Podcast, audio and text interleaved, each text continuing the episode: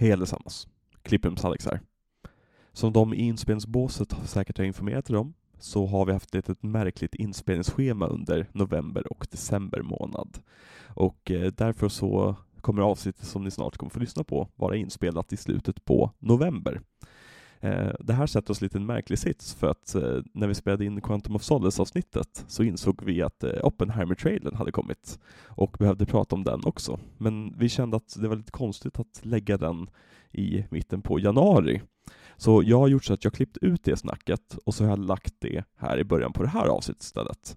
Så njut lite grann av ett kort snack om Oppenheimer-trailern och sen så rullar vi vignetten och så får ni höra ett julavsnitt inspelat i november. Ha det så bra, och god jul! Ja, Viktor. Har du sett första trailern till Oppenheimer nu? Jag har ju det. Ja. har du, du sett den första trailern till Oppenheimer nu då? Jag har sett den första trailern till Oppenheimer nu då. Dock såg jag den på min mobiltelefon, vilket skulle göra Christopher Nolan rätt missnöjd. Jag med. Ja, men kolla vilka cineaster vi är, Viktor. Mm, och det var bara, jag skulle se den på min TV, mm. men eh, det hade blivit ljust ute och jag hade så jäkla mycket reflektion i min TV. Mm. Så jag kände att nej men då ser jag den hellre på telefonen i ett lite bättre ljus än att ha massa jäkla bara reflektioner och jag ser knappt vad som händer. Ja, nej. nej jag, jag har haft en jäkla uh, stress idag så jag bara åkt fram och tillbaka på fram och tillbaka på bussar. Så det, det var det, den tiden jag fick att sitta och kolla på den. Men uh, vad tyckte du? Um, det kändes som precis när man ser en trailer till Christopher Nolan förutom att jag fick typ ingen känsla alls av vad det här kommer att vara. Det bara såg väldigt Nolanskt ut, det lät väldigt mm. Nolanskt och eh, jag blir alltid taggad på Nolanska grejer. Jag, mm. men, det, det gav mig egentligen inte någon, någon feeling överhuvudtaget. Det var mer att jaha, ja men då fick jag se lite material av den här filmen och det var det. Mm. Jag kände lite grann samma sak. Det kändes väldigt mycket som en Nolan-film. Och hade det inte varit så att man vet vem Oppenheimer är så hade man nästan kunnat tro att det här var en sci-fi story på sättet de mm. pratade om bomben. Eh, men jag, jag tycker det ser spännande ut och det är väldigt kul att se som svartvitt foto filmat med IMAX-kameror. Och eh, ja, Nolan verkar ju ha en take på det här åtminstone. Det verkar inte bara vara en biopic. Utan han verkar ju ha liksom en känslomässig What the fuck have I done take på det. Mm, jag, jag hoppas verkligen att han eh, har verkligen velat göra det här snarare än att han kanske inte riktigt vet vad han skulle göra härnäst och det här typ landade i hans knä. Mm. Ja men eller så är det hans största passionsprojekt. Det skulle inte förvåna mig heller. Alltså att han vill, det hoppas jag verkligen. Ja, det, det, alltså Vi har ju varit inne på castlisten i den här filmen. Det, den har ju en rejäl castlist. Det kan man lugnt säga. Däremot det släpptes ju en bild typ förra veckan på Robert Downey Jr. från filmen. Mm. Jag tyckte att hans peruk såg bedrövlig ut, men det kanske bara var liksom att bilden var så jävla skarp liksom. Ja, nej inget jag tänkte på. Jag tyckte bara att jag, eller jag blev väldigt glad över att jag eventuellt, eller eventuellt, jag snart kommer att få se Robert Downey Jr. i en Nolan-rulle och att han inte mm. är Tony Starkig mm. utseendemässigt mm. i alla fall. Verkligen, ja men det, det, det var jag också glad över. Och så här, att se Robert Downey Jr. i en seriös film. Mm. Igen. Det, det, det har jag verkligen väntat på när var senaste seriösa filmen han var med i? Typ The Judge. Mm, helt okej. Okay. Ja. Den, vi minns att den, den, den ville vara mycket bättre än vad den var, men det den var var helt okej okay, bra. Ska säga. Mm. Ja. Men då så. Har du mer om Oppenheimer-trailern du tänkte på? Ja, det är tyvärr ingenting alls. Nej. För den, den gav mig bara ett sug efter att se den, men det var inte så att den gav mig no några direkta talking points eller någonting som kändes oj vad kommer det här att vara? Utan det kändes typ som det man hade förväntat sig och inte mm. mer. Vilket är en bra sak för man förväntar sig ju väldigt mycket av Christopher Nolan. Mm. Och det kommer vi ju prata om kanske nästa år, så att säga. Kanske det kanske.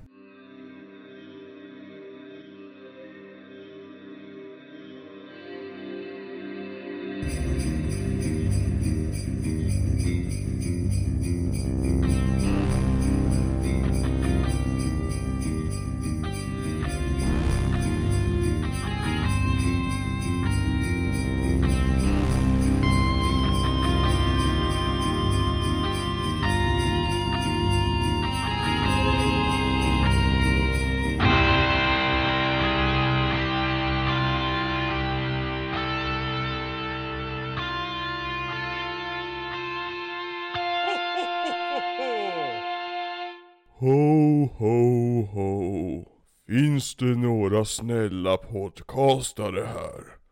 Nej. Dö, Nej. tomtejävel. V- vad säger du? Viktor, Viktor Östermar Landegren. Nu, nu tycker jag att du, du, du ska visa lite respekt till jultomten här. Jag har kommit lång väg ända från Nordpolen och jag minns minst sagt när du var barn och du önskade dig en Von Dutch-keps i julklapp. Om Monica Rolfner lyssnar så um, tror jag inte du har chansen att få spela tomten i uppföljaren. Ja, ty- nu tycker jag att du är hård mot jultomten. Hej Viktor. Hej, Axel. God jul! Merry, merry, merry, merry, merry Christmas. Det är ju annandag jul idag. Är det det? Mm, det är det. Jag tror det var dagen efter dagen efter dopparedagen. Det är den 26. Mhm, Annandag jul. otroligt. Mm. Vi tog oss hela vägen hit i år. Ja, verkligen. I år igen. Mm. Fick du någon kul julklapp? Ja. Mm. Fick en Porsche av eh, min eh, mor. Och jag fick en resa till Mars Mm. av Elon Musk. Ja, trevligt. Mm. Du då? Jag fick aids. Den finaste gåvan man kan få. I år igen. Jag vet Mm. inte om de fortsätter ge det till mig. Mm. jag blir av med det så ger de det till mig igen. Nej. Ja. Nej, jag fick den finaste julklappen i form av en ny James Cameron-film. För vi såg Avatar 2 förra veckan och pratade om den. Jajamän. Mm. Det var ett väldigt bra avsnitt, tyckte jag. Jag tänker inte uttala mig. Jag Nej. recenserar inte oss. Jag tyckte att du var lite för hård mot CGI och, Mhm. och jag var lite för snäll mot storyn som ändå var rätt tunn. Mm. Jag kommenterar inte Nej. sånt. Jag ska fortsätta kommentera här. Jag, jag tyckte vä- väldigt mycket om vatteneffekterna, vill jag minnas. Mhm. Och ehm, jag tyckte det var häftigt att min teori om, om, om hur eh, Sigourney Weavers karaktär kommer tillbaka stämde 100%. Och sen ställde sig James Cameron upp mitt i filmen och sa Alex hade rätt, ni borde lyssna på honom. Det var ett väldigt märkligt ögonblick, men eh, det var spännande. Mm. Jag missade ju det här för jag hade på mig 3D-glasögon och blev ju åksjuk och låg och spydde på golvet. Just det, så var det. Mm. Precis, exakt. Men välkomna tillbaka till Audio Videoklubben. Audio, video. Fast då borde man egentligen bara, Vilken jullåt ska du välja då? vilken jullåt ska man? Jag vill ju såklart sjunga Audio, video, podcasten en väldigt bra podcast. Fint. Det där gjorde jag för att hylla Vackert. slutet på tidernas bästa julkalender, Sunes jul, som för er som inte har sett den finns att se på Patreon. Ja, precis. Alla 24 avsnitt. Om vi inte har fått någon jävla copyright strike på oss. Ja, Men det tror jag inte. Inte på Patreon-kanalen. Det blir svårt för en Mm. algoritm att söka igenom där, tänker jag. Ja i så fall har vi fått en ny Patreon som först har gått in och kollat den. Ja men precis, exakt.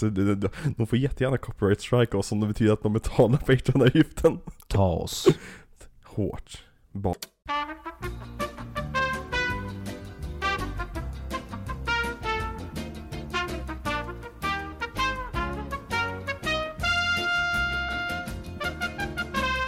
Det vill däremot Sara att man ska göra Ja, verkligen. i garderoben. Alltså att, att, att den här gick på TV konstant varje jul under ens uppväxt Och fortfarande gör. och fortfarande gör, det är, det är ju kul. Vi ska ju prata om tomten är far till alla barnen. Ja, eller som originaltiteln är på den första filmen då, Ja. In Bed With Santa. Så jävla dålig titel. Tycker du det? Ja, jag tycker det. Tomten far alla barn är så, är så dubbelbottnad. In bed with Santa är bara Sex. Jo, men alltså det är klart att originaltiteln är bäst. Ja. Men jag tycker det är en bra, så här, om du ska sätta ändå en amerikansk eh, översättning på det, sure.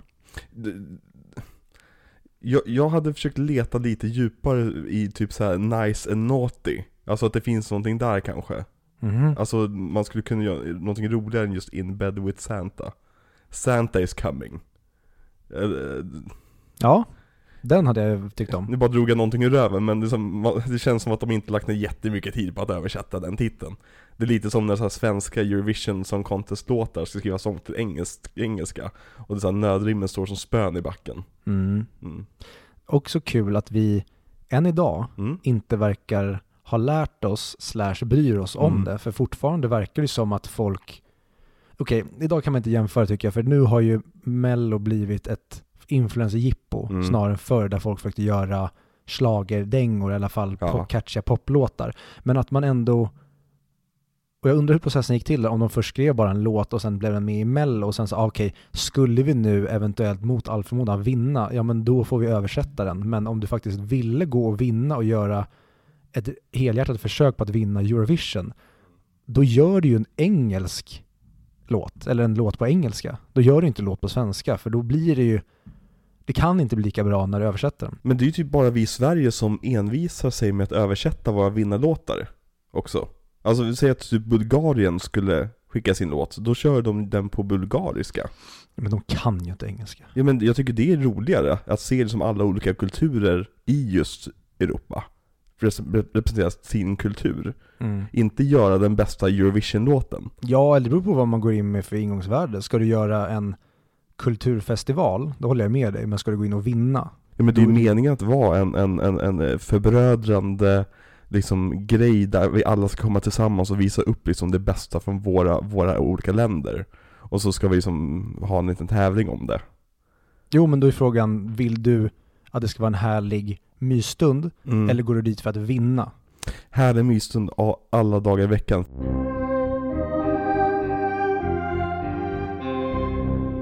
Hur som helst, vi ska då prata om Kjell Bergqvists eh, Tomten är far till alla barnen. tänkte jag säga. Kjell Sundvall. Kjell Sundvall heter han ja, precis exakt. Vad har du för relation till den här filmen? Oj, oj, oj, oj, oj, oj, Mm. oj, oj, oj. Den här filmen, ja, den såg jag så många filmer när jag var alldeles för ung. Mhm. Hade alldeles för dålig relation till eh, sex och um, buksvågrar och um, konstiga familjerelationer för att när jag såg den här då var jag fortfarande uppvuxen i ett helt hem utan ens en skilsmässa där Mhm. det var bara en helt vanlig kärnfamilj. Jag hade ingen relation till det som sker i filmen överhuvudtaget. Utan Förutom det, var som hände i källaren. Ja. Men ehm, det tar de inte upp, eller tar med i den här filmen. Nej. Men i övrigt, det som vi ser i den här filmen hade jag inte så mycket relation till utan för mig var det här en kavalkad av roliga one-liners Mm. när jag såg det och jag tyckte den var underbar och fantastisk men jag blev också väldigt obekväm när man skulle se den här med typ mamma och pappa eller mormor och morfar när den kom på på kvällen på julafton. Mm. Och det var lite för mycket sexual innuendos upptäckte ju äldre jag blev. Mm. Men eh, ja, den har funnits i mitt DNA sedan alltid och eh, kommer kanske komma till det. Jag vet inte när jag började uppskatta den som film snarare än som ett en julcitatmaskinsprodukt. Det, det är kul när man såg när man var barn att man tänkte inte på hur, hur djupt ingrott liksom, sexet är i den här filmen. Nej. Alltså hur som, den handlar ju om julafton och sex. Ja, Det är ju- den handlar om sex och så har de bara förklätt det i en julaftonsmiljö. Precis, exakt. Men alltså när man var liten tänkte man åh, skojig julafton liksom. Mm. Ehm, så ja, jag har väl exakt samma relation till den som dig egentligen. Den gick på TV när man var barn, man såg den när man var alldeles för ung. Och så upptäckte man den när man var tonåring, man var tvungen att pausa typ en gång i kvarten. Och sen så eh, upptäcker man den igen som vuxen och bara fy fan vilken bra film det här. Och det jag tänkte på den här gången är, fy fan vad välskriven den här filmen är. För att du känner inte av aktstrukturen alls. Den här borde inte funka så bra som den gör. För att det är egentligen bara en kavalkad av scener där folk interagerar med varandra. Det är som, det händer ju liksom ingenting. Det finns ju ingen stor, utöver det här med som hennes avslöjande, så finns det inga stora plottpunkter som händer. Det är som ingen som ramlar och slår sig eller någon som är gravid och måste föda som i Helena Bergströms rip-off av den här filmen.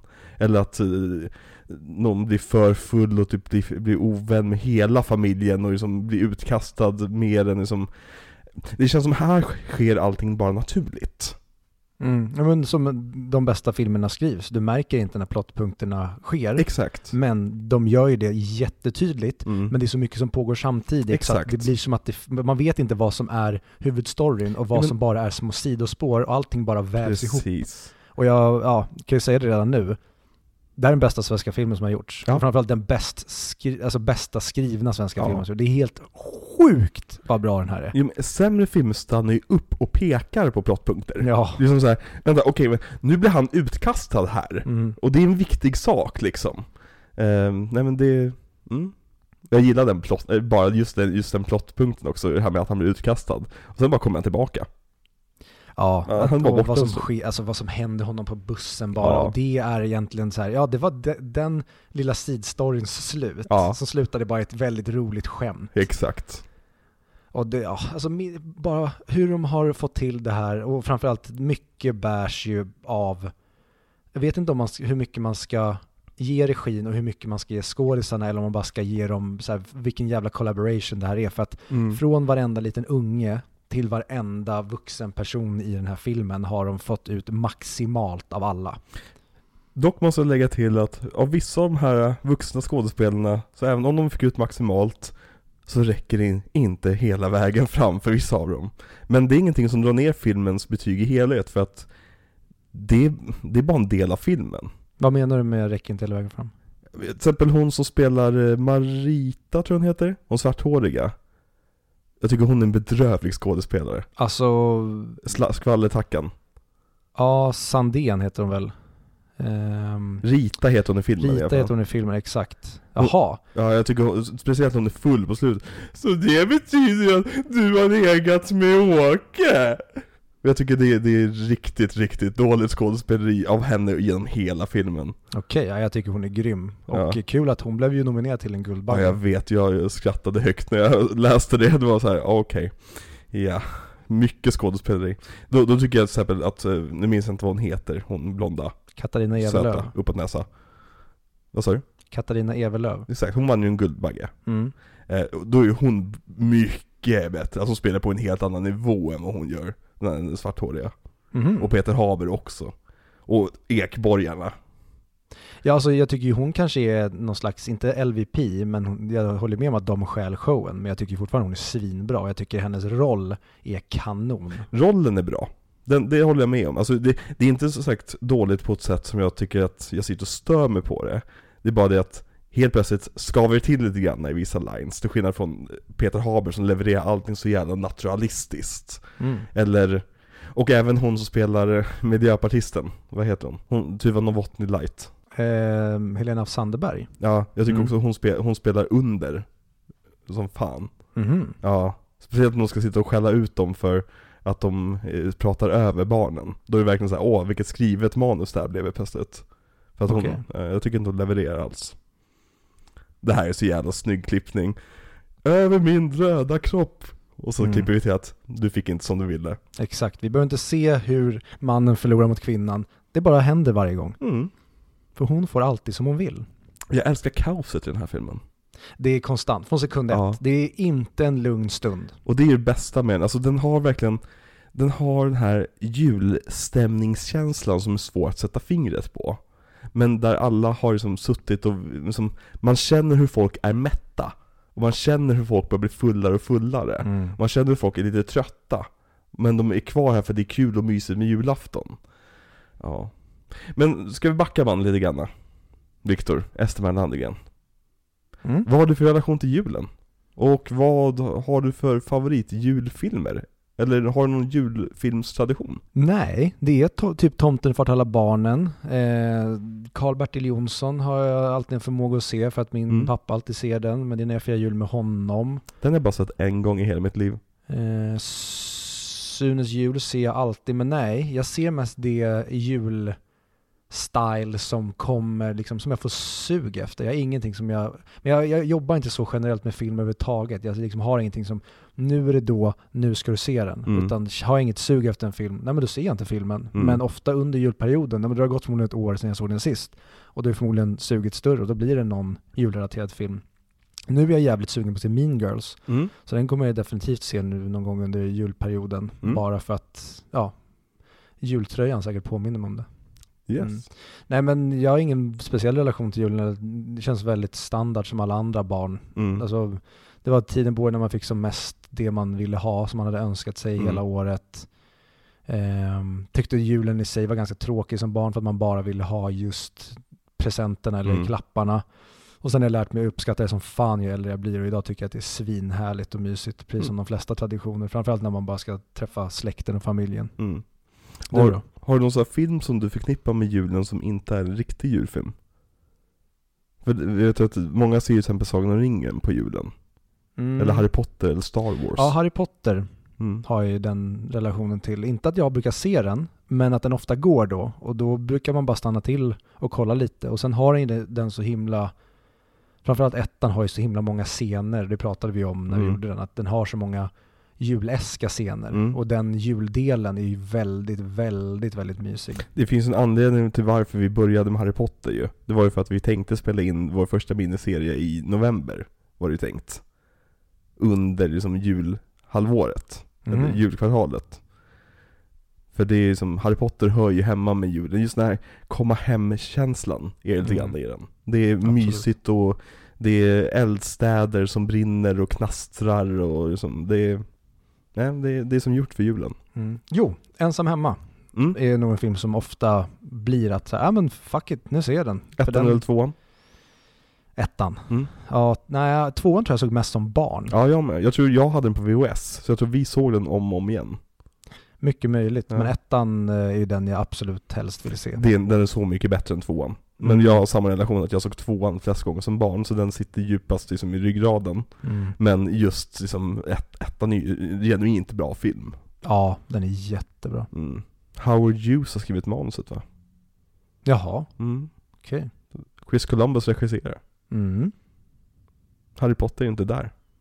Nej, Nej. han är ju inte det. Han är död. Eh, Min relation till eh, julen och julfilmer. Alltså jag har alltid älskat julen. Alltså även om man tar bort det här med julklappar och jul, liksom få saker. Så har det all, alltid varit liksom min favorithögtid i alla fall. För att det är det här varma, den, den varma högtiden. För att den kommer i kontrast till kylan utomhus. I det att allting är rött och det är ljus och, och liksom, eh, lampor överallt. Och det är som r- röda varma färger och man har på sig någon tjock tröja och liksom det, är, det är den mysiga högtiden, verkligen.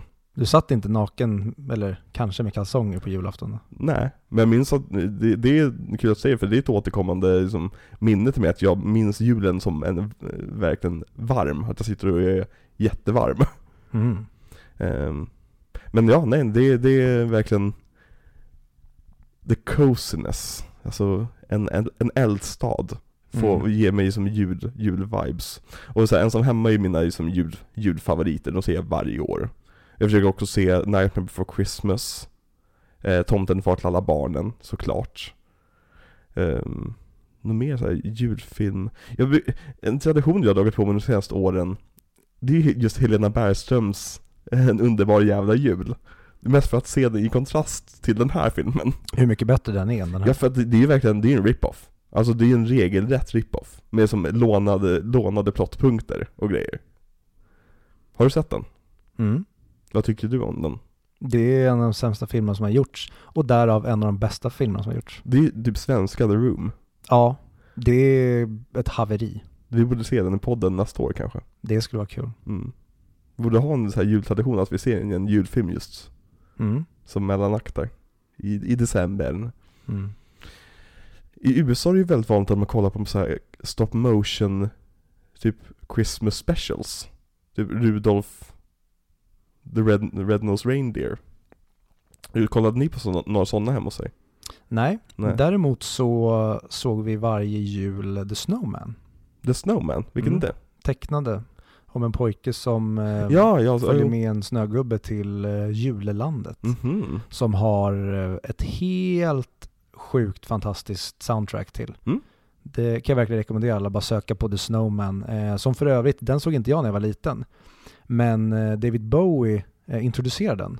Som För att dig? han är pojken när han är vuxen. Okej. Och sen börjar filmen. Jaha. Vilket var bara en jätterolig grej jag upptäckte förra året när jag såg om den första gången på flera år. Ja. Så här, oj, David Bowie var inblandad i det här, men den versionen jag såg, då var han bortklippt i början. Jaha. Det var den, din pappa hade klippt en speciell version.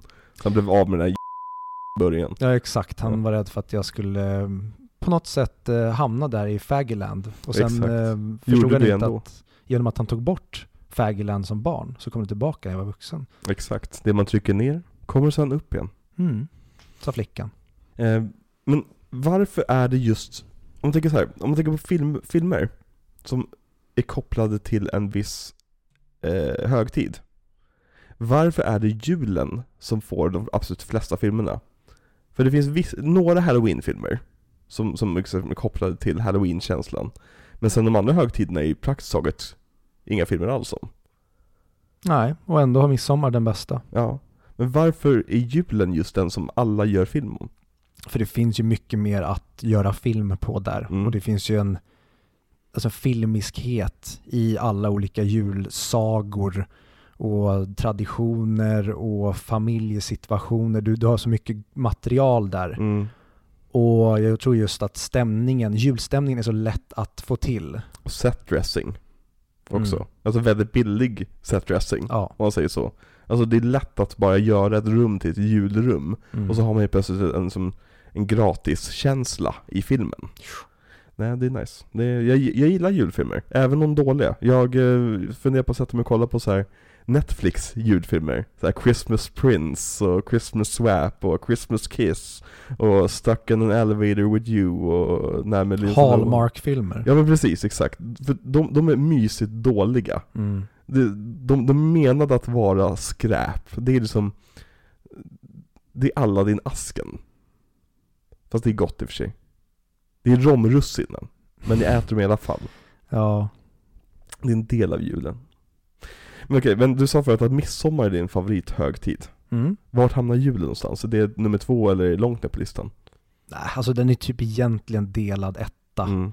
Jag tycker bara om mi- midsommar mer för att det är mindre komplicerat. Mm. Det byggs, och man, ibland kan jag känna med juletiden att man hinner bli trött på den. Lite Mhm. som men klyschan att folk som jobbar i butiker behöver höra Ja. samma jullåtar om och om igen. Det är lite så ibland det känns. Och jag blir orolig för det nu när början, eller det var mitten på september, eller på november, Mm. man redan då börjar höra jullåtar på radion. Mm. Och det är det jag tycker är lite jobbigt med julen ibland, att blir för överreklamerat och blir för, man får det upptryckt i sitt ansikte Mhm. istället för att man ja, men vill hålla det till sin egen nivå. Mm. Jag vet inte om det infrias ofta, men jag är orolig för det i början av julen och då är jag inte alltid så taggad på julen. Men sen vaggas jag in i det och så på något sätt bara släpper jag in det lagom till det börjar närma sig julafton. Mm.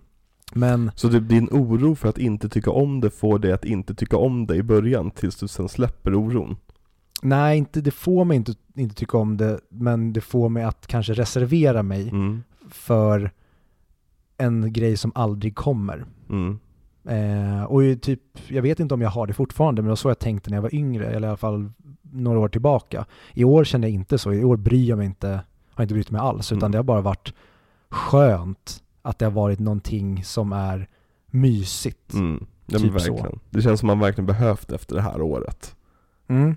Ja men eh, framförallt, alltså, den, jag börjar uppskatta traditioner och vuxengrejer inom citationstecken Mm. mer ju äldre jag blir och framförallt det känns som att det har ökat takten på den uppskattningen efter covid-åren och Mm. nu det här året. Så nu är jag verkligen, vill bara ha det enkelt. Mm. Alltså så här, ge mig bara en helt vanlig jävla jul så är jag jättenöjd och jag har verkligen slutat bry mig om att önska mig någonting ens. Jag och Mm. mina syskon ger inte ens varandra klappar längre Nej. utan vi bara säger så här, det är bara mysigt att vara med varandra. Det är, that's it. Mm. Fira jul, Exakt. helt enkelt. Det är nice med ritualer. Jag är en väldigt ritualstyrd människa. Det- är nice att ha liksom att göra någonting speciellt av en situation. Mm. Alltså att det är sådär, men nu har vi filmkväll. Det betyder en specifik sak. Det betyder ritualen filmkväll. Nu har vi den, nu, myskväll. Alltså man, man gör en, en, en ritual. Det är, jag tror det är viktigt. Vad skulle du säga är din favoritjultradition? Om du fick, om du eh, fick rensa ut alla andra jultraditioner men bara behålla en grej som du skulle göra på julen. Vad skulle det vara? Är det att träffa familjen? Ja. Mm. Jo men det, jo, eller i alla fall vara i en, i en, fa, en grupp, alltså en familj. Det, det behöver Mm. inte vara min familj, det kan vara Beckas familj. Ehm, och jag var för ett par år sedan och firade jul i Sacramento med min kusins familj. Mm. Och så länge det är en det är mycket liv och en liksom, familj som gör, försöker göra det juligt, då är jag ganska nöjd. Att man ändå, det, det, blir inte som att man bara ses som vanligt när man ses med en familj, utan nu känns det som att alla kanske inte gör sig lite extra, Mm. men alla är med på att det är jul. Mm. Och då får bara en, all- alla får en annan stämning bara. Mm. Det uppskattar jag. Det är magiskt ändå. Mm. Alltså att liksom stämning kommer från, men det, det, det sparkade jag bakut mot när jag var typ 18 till 25. Mhm. Det här forcerade stämningen. Att nu ska vi ha mysigt. Det tyckte jag var jätte, jättejobbigt. Det, jag kunde inte, inte slappna av alls. För att det var bestämt att nu, nu var mysdagen här. Istället för att det var någonting som kom sporadiskt. Mm. Eh, så jag firade inte jul i typ fem års tid. Nähä, Mm. okej. Mm. Satt och byggde lego varje julafton istället. Jag hade det som ritual att jag köpte en legosats till mig själv. Som en slags present till barn Alex som aldrig fick den där stora legosatsen. Och så satt jag och byggde den och kollade på, på julfilm. Och käkade pizza. Ja, det var bra att du övergav det. Nej, det var mysigt. Det var jättemysigt. Fan, det är några av de finaste jularna jag har haft. Mhm. Ingen som blev full, ingen som skrek på varandra. Ingen som höll på att säga att de skulle lämna varandra och slängde torris i eh, vasken och skriker att nästa år så tänker jag fan inte lyfta ett enda finger och ja. Ja, det lät ju inte heller superkul. Nej. Som, som de flestas jular med andra ord. Jag har inte varit med om en sån jul. Det kallas ju nog renjul för en anledning Viktor. Mhm. Mm. Det här är, ty- ja, Dan Ekborg och hans dotter som, som är tillsammans med en kille som heter Mohammed. Hörru här, Mo- nej, Ahmed faktiskt. Nu Ahmed. var du rasistisk här. För han säger Mohammed. Mm, hörru här Mohammed, du ska inte alls ta till höger vid macken. Du ska Ska lämna låta- kamelen hemma Ska hela låta dagen kamelen idag. stå parkerad hela dagen Just det. idag. Låt oss svenskar fira jul i fred. Fattar du? Ja. Ja. Alltså han, han är ju filmens MVP. Ja, det, han spelar i en egen, han spelar i ett eget universum. Ja, nej men det, det, det är mm. Han, är så jävla bra, och, och även hans brorsa som jag alltid glömmer bort, Anders heter han va? ja. Anders Ekborg, tycker också, de, de två är de bästa i filmen. Och de har så jävla bra samspel. Ja, och det är så bra att de är brorsor på riktigt, för det Mm. känns som att de är brorsor. Och de, de pressar inte till det heller att de är brorsor, Nej. utan det bara nämns. Och sen så är det deras dynamik mellan varandra som gör dem till brorsor. Mm. Hur de liksom så här Ja men, vad heter det, ler i mjugg mot varandra. Liksom när, när båda liksom eh, fattar en grej liksom, Mm. eller när båda liksom inser att någon har betett sig konstigt och ja. Men eh, har du läst på någonting om produktionen av den här filmen? Eller har du sett någon intervju om den här filmen? Nej, Nej, inte, jag hittade ingenting. nej. Det var väldigt svårt att få tag på gre- grejer om den här filmen. Ja, för det, när jag ehm, kollade, det enda jag hittade var quizzer om Tomten far till alla barn. Men- Nej, det var quizzer om vad det, alltså filmen. Men de sket jag i att gå in på. Ja, jag okej. ville leta upp, ja men kan jag få en text där det står information? Ja, precis. Men det fick jag inte. Nej. Men den är regisserad av Kjell Sundvall. Mm. Har du sett några av andra, hans andra filmer? Ja. Mm. Eh, min främsta relation till honom, förutom den här, tror jag är eh, Care of Segemyhr. Mhm. Som är en eh, fantastisk svensk sitcom. Jag vet inte hur jag skulle ranka den bland alla svenska sitcoms, men humorn i den är så jävla bra. Och just att vi får Lennart Jäkel, Mm. ehm, Ja, Fredrik vill jag säga, men det heter han ju, eh, Johan Ulveson, exakt. Olle Sarri och ehm, Gud, nu tar jag bort namnet på henne, men jag jobbade med henne i somras. Det måste ju vara tänkt att vara en typ svensk Seinfeld nu inser jag. Ja, Ja. verkligen. Och det gör den verkligen så sjukt bra. Och alla har verkligen så tydliga karaktärsark som klär sig med varandra hela tiden. Mm. Anton, eller Olle Sarris karaktär, den här neurotiska taxichauffören som inte kan växa upp. Och så har du Lennart Jäkel som är en bitter gammal man bara, som hela tiden sätter fingret på allting som är fel. Och sen så har du Johan Ulveson som vill vara en del av liksom societet, han vill vara någon som är respekterad och en häftig person. Mm. Men han hela tiden bara tappar ansiktet och försöker rädda det. Och så har han sin eh, underbara su, su, fru Silla som försöker på något sätt bara sy ihop det här så att inte de typ dödar varandra. Det var väldigt länge sedan jag såg ett avsnitt Care of Se- Segemyhr. Mm. Ja, de var jävligt, jag kan rekommendera att gå in och bara youtuba lite roliga scener. Det Ja. finns Men det är Kjell Sundvall. Ja, skapare eller har han regisserat några avsnitt eller? jag vet inte om han har regisserat allt. Nej. Men jag vet att han har regisserat en del. Och det Mm. märks verkligen ehm, i humorn. För Mm. den, man kan känna att det är han när Mm. man ser Tomten är far till alla barnen och Nice. Karo Segemyhr. Vad är det han heter? Evas pappa? Leif André, Ja. Ja. Evas pappa. Spelar inte han Evas pappa? Eva och Edam? Eh, Eva Adam. Nej, det är ju Douglas någonting. Kommer inte ihåg vad han heter Men vad är han med i? Är Pelle Svanslös igen som kommer och spökar? Ja, han är ju Bill eller Bull. Men vad, vad är det han är med i? Det är någonting han är med i. Så här barnigt som inte var Pelle Svanslös. Lotta Bråk, på Bråkmakare, nej det är Claes Malmberg. Malmberg. Mm. Han är lite grann jag jag tänkte säga svenska Wayne Knight, men det är han inte alls. Nej. Men det är synd, alltså Leif André tycker jag har nästan så här Hollywood star-kvalitet. Ja, verkligen. Han är, Karisma Ja, som det är fan. helt stört vad bra han är. Ja, och han är så bra på att spela också just full gubbe. Liksom, Ja. Och den här personen som, som går över gränsen hela tiden utan att riktigt veta om det. Mm. Att, liksom, men han bodde ju här, så det är ju naturligt för honom att öppna dörren liksom. Och det är också en sån här plott, jag, sidoplott jag älskar i den här filmen. Alla karar som en gång i tiden har bott i det här huset. Ja. Och vet vart saker och ting ska vara. Och så är de inte där. Så, men varför har de flyttat på plastpåsarna? Åh, underbart. Även eh, han, Kjell Sundvall han har gjort, eh, vi hade i alla fall tur med vädret. Jaha. Mhm. Skitfilmer vill jag minnas. Ja, när jag tänker på den filmen, då tänker jag på Den bästa sommaren för en anledning. Mhm. Jag tänker typ på Göta kanal. Ja, men det är typ samma kategori av filmer. Men minns du bästa sommaren? Såg inte vi Den bästa sommaren på bio? Nu tänker du på grabben i graven bredvid va? Nej. Jag, men de två, de är också väldigt lika varandra i stil. För han har Men- väl också gjort grabben i graven bredvid? Är det? Jag tror det. Jaha. Men så, alltså just Bästa sommaren med Kjell Bergqvist. Mm. Kjell Berka. Mm. Jag minns inte att jag sett den, jag vet att jag sett den jättemånga gånger på TV. Ja. Den är för övrigt väldigt bra. Jag, Men jag, det är jag Ulf Malmros så det är klart. Det Är det är... Ulf Malmros som gjort Bästa, som, äh, Bästa sommaren? Mm. Nej. Jo. På riktigt? Mm. När gjorde han den? Ja, 99 då typ. 97. Ja, där någonstans. Ja. Men eh, Sundvall har gjort Jägarna. Det är nog hans största film. Mm. Har du sett den? Jajamän. Jag har aldrig sett den. Jag eh, jobbade med hon som är eh, Filippinludret nyligen.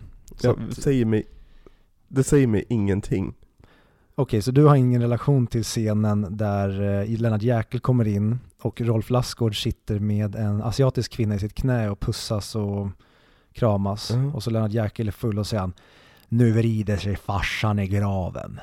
Så bara, vad fan jag säger? Ja men vi kan väl Vi kan väl ta hit Jugos, vad fan jag säger, jugoslavier och polacker och negrer och göra om det till flyktingförläggning. Och sen så bara, så, så här, ja vi kan ju så klättra upp i träd din jävel. Och så kommer hon fram till honom och säger så här, Ja. du kallar inte mig för hora! Och då slår han henne Mhm. med en av de, alltså det är en av de sämst regisserade slagen i filmhistorien. Ja. Eh, och hon däckar ner på golvet och sen kommer Rolf Lassgård och säger Gå och lägg dig, du är full. Och så slår han eh, Lennart Jäkel så han kollapsar på golvet. Mhm. Och det är parodiskt men väldigt kul. Mm. Och han står för liksom en av de roligaste rasistiska rantsen i svensk filmhistoria. Det förstår jag att du tycker om. Mm. Jag tycker om att han sitter och cyklar på en träningscykel efter att han fått reda på att han ska bli pappa. Mm. Vi klipper från hans ansikte till att han sitter och cyklar. Ja. Man måste bara komma bort lite grann. Men eh, Kjell Sundvall har också gjort en hel del eh, Beck-filmer. Tyvärr ja. Mm. Det är väl antagligen där han mötte Peter Haber. Gjorde han dem innan eller efter det här? Efter. Efter, okej. Mm. Som samarbetare, han, kanske därför han fick jobba. Beck-filmerna, det är lite grann så här. Det är socialbidrag för filmskapare. Känns som det. För det är så här, ing, ingen bryr sig väl längre om Beck-filmerna. Eller, vi- de har jättestort following. Så vi kanske skiter i blåskåpet, men det känns som att de inte har varit relevanta på 15 år. Nej, och det är som du säger, de, de är jätteälskade. Ja. De, de har ju fått någon slags, det blev nästan som en revival av dem när de gjorde det avslutade Gunvald. Mm. Jag har inte sett det här utan det här är bara följt genom Ja, reklamer. När de avslutade Gunvald och tog in eh, Hyvje Mm. istället som någon slags ny Gunvald. Så det verkar som att de har gått på ett nytt spår nu Mm. och eh, jag tror att de har blivit, för nu, just nu är ju svensk true crime liksom esk eh, Mm.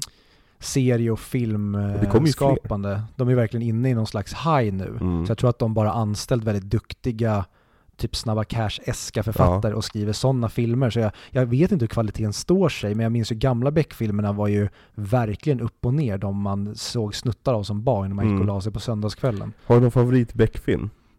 Jag vet inte vilken Beck-film som är vilken Beck-film. Jag, jag minns, alltså det, det är så här, jag har sett typ Best of Gunvald på YouTube Ja. mer än någonting, så det är väl typ roliga Gunvald-citat. Jag vill minnas att Spår i mörkret tyckte jag om. Men det är mest för att de gick runt med night vision i tunnelbanan. Mm. Det var häftigt. Sen Moneyman tyckte jag var kul. När Gunvald på slutet, nej jag ska inte spoila. Spoila. Wallander? Är- Var det någonting som, har du en relation? Har du en, eller vad heter det? Kon- Konstapel Gök? Vad är det? Vad, vad? Konstapel Gök? nej jag bara tror jag någonting i röven. Men eh, så här. Ja, deckare. Vad, vad tycker du om deckare överlag? Jag gillar en bra deckare, Ja. men jag är ingen deckar ingen deckarfan och framförallt inte svenska deckare. Jag gillar mer typ deckare i bokform som tonåring känns det som. Alltså vi pratade om Laura Trenter Ja. någon gång och det var typ så här, ja det var typ sådana deckare jag gillade som inte, de var inte allt för snåriga. Nej. Men de lyckades på något sätt så hela tiden dra ut på revealen och det tyckte jag om när man gjorde på ett härligt sätt. Typ den bästa deckaren jag kan komma på som jag läst, det är ju typ Millennium-böckerna. Mm, Tyckte mm. alltså Män som hatar kvinnor kommer jag ihåg när jag läste den, jag blev helt Ja, mindblown. Och jag, jag tänkte Mikael Nyqvist i huvudet. Och jag tror han castades bara någon dag efter jag hade läst färdigt boken. Mhm. Men det var, han var också på tapeten väldigt mycket just då.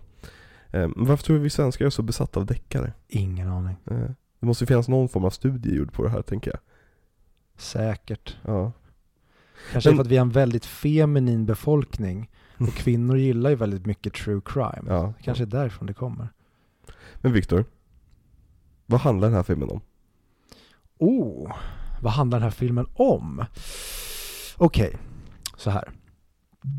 Det handlar då om en slampa som har legat med väldigt många män ganska tätt in på varandra skulle man kunna säga. De eh, har haft förhållanden och så har hon blivit på smällen och sen så har hon ploppat ut en unge, dumpat mannen, legat med en ny snubbe, blivit på smällen, ploppat ut ungen, gjort sig av med honom och så har det pågått så här under några år men hon har inte brytt sig så mycket om hur det här påverkar barnen kanske man kan tycka. Men hon har ju nu då gjort det briljanta movet att hon har blivit ihop med psykolog. Så att hon har i sitt hem en man som eventuellt skulle kunna hjälpa alla de här barnen med sina psykiska problem Alltså- när de blir äldre. Någonting säger mig att hon gick till psykologen för att få hjälp med sitt sexmissbruk. Och sen så visade det sig att hon började ligga med psykologen också. För hon har ju uppenbara problem.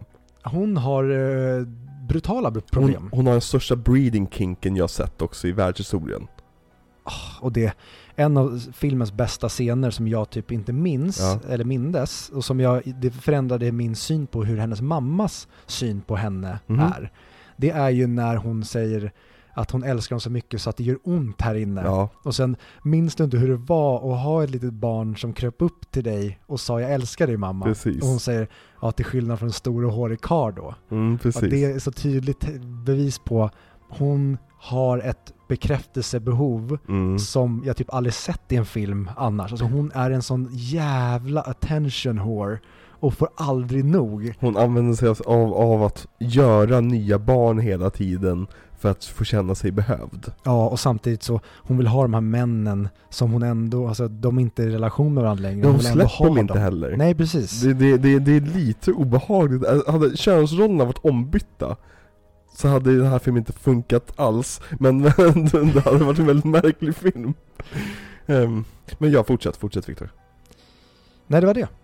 Okej, så det, det, det är en slampa som, som ligger väldigt många män? Ja. Är vad filmen handlar om enligt dig? Ja.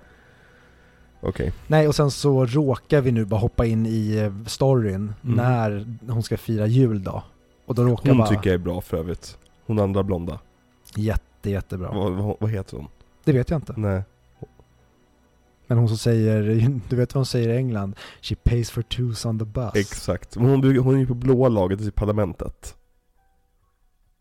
är hon med i parlamentet? Ja. Jaha. Ja, Bruk, det är brukar spela överklasskärring när hon är med typ.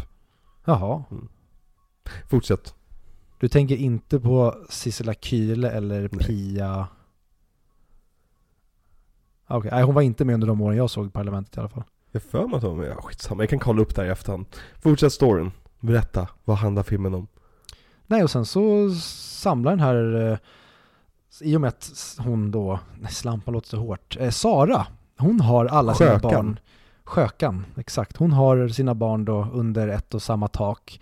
Så samlar hon då alla sina män med sina nya respektive under ett och samma tak så att de ska kunna fira jul på ett väldigt normalt och okomplicerat sätt. Mhm. Och vi får då lite grann se det här ur hennes nya man, Jannes perspektiv Mm. och följa lite grann hans story, fast ändå inte under den här julaftonen. Så det är det som händer. Jag tycker alltid det är så kul när jag ber dig förklara en film, så förklarar du så här, vad hände innan filmen? Vad hände? Och och sen så brukar det sluta typ så här, då efter de första fem minuterna in i filmen, där slutar storyn. Vad handlar filmen om? Jag sa ju det. Okej, så Sara har alltså inseminerat sig och säger att hon är gravid. Ja, det är ju vad som händer i filmen. Ja precis, vad, vad händer, ge oss plotten. Jag tänker för de som inte har sett filmen. Så kan det vara bra att de, de får ett hum om, om, om vad Gå och filmen handlar se om. filmen. Jag tänker inte förstöra för er. Nej, men Janne då och Sara börjar ju filmen med att de säger Säg att du vill ha ett barn med mig. Och han säger jag vill ha ett barn med dig. Och så har ju hon då kommit på den perfekta planen att i och med att de har försökt under ett par år att få barn Mm. Men inte lyckats. inte lyckats, så var hon, hon var i London, då passade hon på att eh, spruta in en unge i sig för att eh, vara så Jag himla... hade lämnat henne. Vadå? Jag hade lämnat henne. Jag hade aldrig träffat henne. Jo men, om, ja, nej men på riktigt, det är sånt jävla övergrepp. Det är... Eh, vad säger man? En mardröm skulle ju vara om du nu är så dum och ligger med någon och sen alltså då riskerar att eventuellt kan den här personen bli gravid. Nu pratar jag utifrån en mans perspektiv här. Mm. och hon blir gravid, att så här, du kan inte gnälla på att hon har blivit gravid och sen säga att hon vill behålla barnet. Mm. Men för mig är det också ondska att behålla ett barn med någon trots att den inte vill det. Mm. Inte bara utifrån vad du gör mot mannen, utan vad är du för en person som sätter ett barn till världen som inte är önskat av sin ena förälder? Mm. Det känns som en dålig premiss, sen såklart är det mer komplicerat ofta än så, men Alltid. Att- han... Det, det är ändå en lyckosituation för honom att det inte är här hans barn. Så då kan ju han dra men utan så- att det blir några konsekvenser. Han har gjort allt för att han inte ska få barn. Han gick och steriliserade sig liksom. Mm. Tänkte att bra, då har jag gjort mitt. Då, då slipper jag inte ens tänka på det liksom. Och så går hon, och hon, hon, hon planerar att ljuga för honom ju. Mm. Om att det är hans barn. Vilket hade, det hade ju avslöjats rätt snabbt när barnet föddes att det inte var hans barn. Ja, och då tänkte ju hon att eh, nej men det är klart att alltså, England, det är ju ett vitt land, så att det är ett vitt barn. Så det kommer förmodligen inte synas så mycket. Människan är rasist. Verkligen. Mm. Det är en Mm. väldigt rolig scen just när vi kollar på när, när eh, grannarna kommer över och hon har, har sin rant om att man, man kan ju inte ens veta om barnet kommer bli vitt. Och så Ja. kommer de in och har adopterat en asiatisk unge. Mm. Alltså att adoptera, det är ju ett andrahandsval. Men det är ju det. Det är ju det, säger hon. Och, Hon är så och- jävla osäker på sig själv. och efter när hon står kvar och försöker på något sätt bara så här, Mm. "Men hallå, kan, kan någon av mina män backa mig? Hon försöker, försöker alltid vända sig, eller vän- vända att det är synd om henne. Ja, Ja. Hon påminner så, så mycket om min mamma. kinky. Nej, nej, nej eh, Viktor, Viktor, nej, nej, nej. Men eh, ja, ja, alltså Sara, vilken jävla filmskurk. Mm. Hon är helt amazing. Verkligen. Jag bara få det sagt. Ja. Och, så, och sen då? Efter hon har avslöjat att hon har blivit gravid. Efter hon, eller efter hon har avslöjat att hon har blivit gravid, då får vi lära oss, nej innan får vi lära oss att Janne har steriliserat Mm. sig. Och det här har han berättat om för Rita som aldrig någonsin har lyckats hålla ett enda ord för sig själv, någonsin verkar det som. Ja, fattar. Och det tycker jag är intressant, för om man då ska gå djupare på den här filmen, att det verkar ju bara som att han anförtror sig till en vän, Mm. men Janne för mig är ju smartare än så. Mm. Så jag undrar om, planterar han det hos henne? För att det ska läcka. Ja. Men det verkar ju inte så när han först råkar försäga sig, men Nej. fortfarande, han försäger sig på ett ganska klumpigt, alltså ett, Ja, han, han börjar bli full, är min, min syn på det. Det är samma sak sen när han försöker eh, använda sina psykologkunskaper för att få reda på sanningen. Ja, herregud. Åh, och han är så klumpig, och han är så, man ser på honom att han tänker att jag, jag är mastermind här. Han ja. sitter och stirrar ut Dan Ekborg i, i hopp om att han ska försäga sig typ. Har du käkat blängsylta eller? Alltså Dan Ekborg är ju kungen. Jag vill ha han och hans, och hans snusiga överläpp på min uh, julfest. Ja, jävlar Mm. vad han är. Varenda liten nyans i honom i den här filmen är perfektion. Alltså han spelar ju full bättre än... Ja, Robert Gustafsson borde ju typ lära sig hur man spelar full på riktigt Ja. av honom. Exakt. Nej, men för det som händer sen i filmen då, det är det att eftersom Janne är steriliserad och eh, Sara är gravid Så betyder ju det att hon har legat med någon, någon annan enligt, enligt Janne. Mm. Så hela filmen är egentligen att Janne går runt och försöker lista, ta, ta reda på vem det är hon har legat med.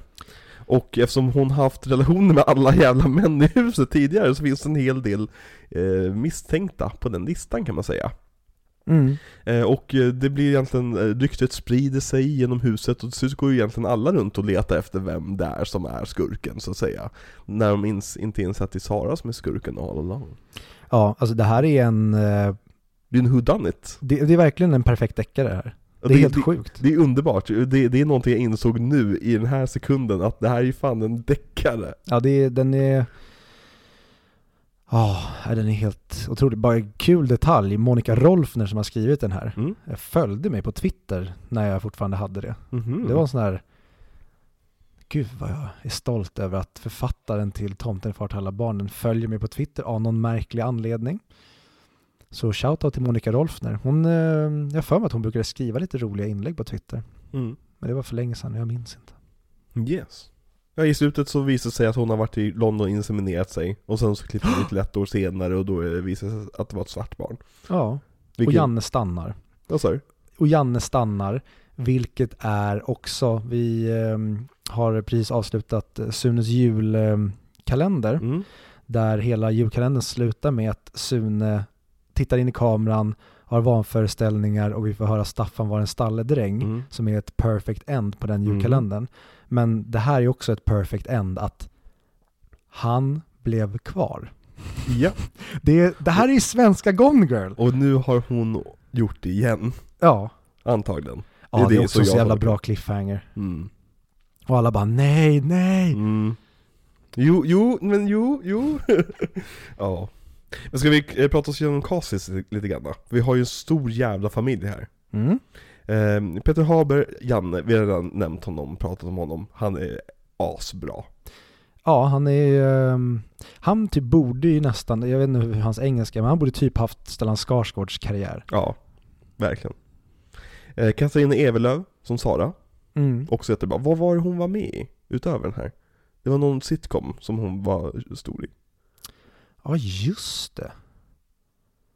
Jag minns faktiskt inte. Rena, Rena rama Rolf? Nej det är, det är Carl Källgren som är den Hon kanske var med där också Men typ någon sån Ja, jo, absolut. Men jag Ja. står faktiskt helt still. Ja. Senast jag såg henne var nu, jag såg eh, snuttar eller delar och avsnitt av eh, tv-serien Vuxna människor. mm. Alltså tv-serie fortsättningen på Fredrik Lindström Mm. och Felix Herngrens film från 99 vill jag minnas att den är ifrån. Mm. Skitbra film. Mm.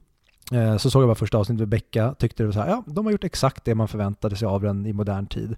Men sen så hade den ändå lite charm igenom. Mm. Men där spelar Katarina Evelöv huvudkaraktärens mamma Mm. som eh, har ett, ganska roligt ark. Det finns en rolig scen med henne där hon har rökt gräs och är tokbäng. Mm. Som, eh, ja. Kul. Mm. Vad tycker du om henne i den här filmen? Jag vill minnas att jag tyckte hon var jättedålig när jag var yngre. Att jag tyckte att hon inte funkade alls. Jag, jag vet inte vad jag fått därifrån, men det är någonting jag bara fått för mig. Mm. Men hon är helt jävla fantastisk. Ja, Och jag förstår att hon vinner en Guldbagge för det här. det förstår jag också. Hon borde fått en större karriär efter det här. Det känns lite grann så, i Sverige så får du ingen stor karriär efter att ha vunnit Guldbaggen. Du får en stor karriär efter att du har gjort en film med Peter Magnusson istället. Mm. Ja, Jag, jag har för dålig koll. Jag vet inte vad hon har säkert varit stadig och gjort filmer och grejer varje år. Men Säkert. bara att jag inte har koll på svensk film så att det har gått under min radar. Mm. Nej jag tycker hon är jättebra den här filmen.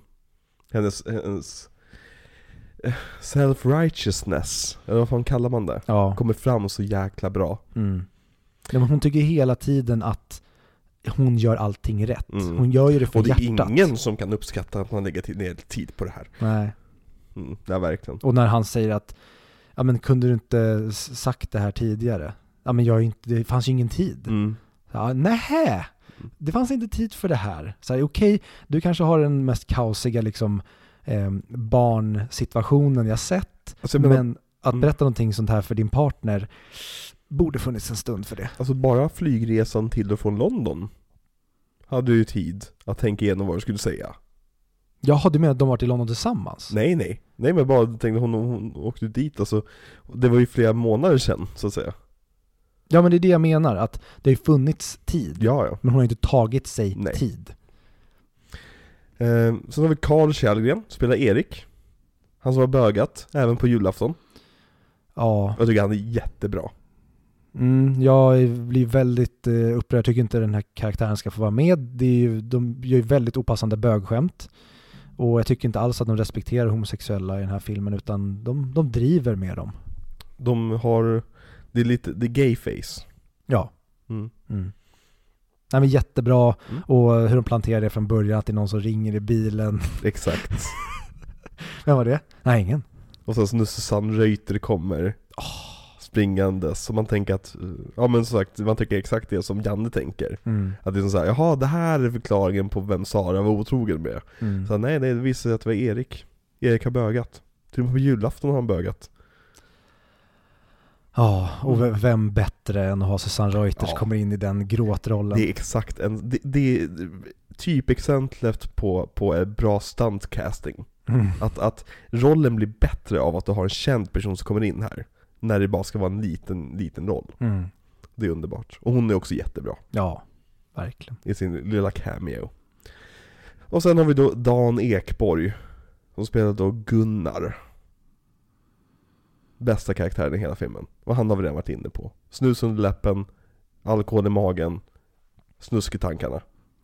Ja, och Dan Ekborg har ju sagt det att ehm, han, eller han är ju tydligen den godaste, finaste, härligaste människan som Mm. finns. Men han, han har bara tackat, tackat och tagit emot fast han har sagt det flera gånger att jag förstår inte varför jag alltid får spela svin. Jo men han ser ju lite svinig ut. Är det han som är anden eller är det han som är eh, Hades? Han är Hades. Han som är Hades. Och Anders är anden.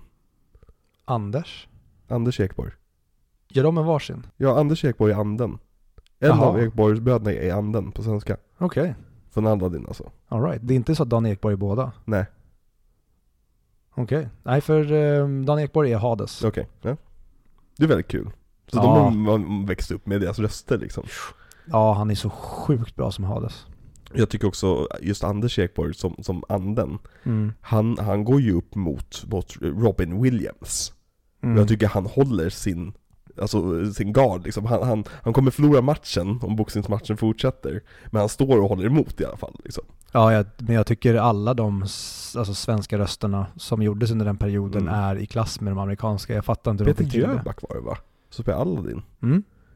Hans röst också, och, och Björn Kjellman som eh, myran i Ants, nej nej nej, ett småkrypsliv. Mm. Som Flip. Ex Flip heter han ju, Mm. just det.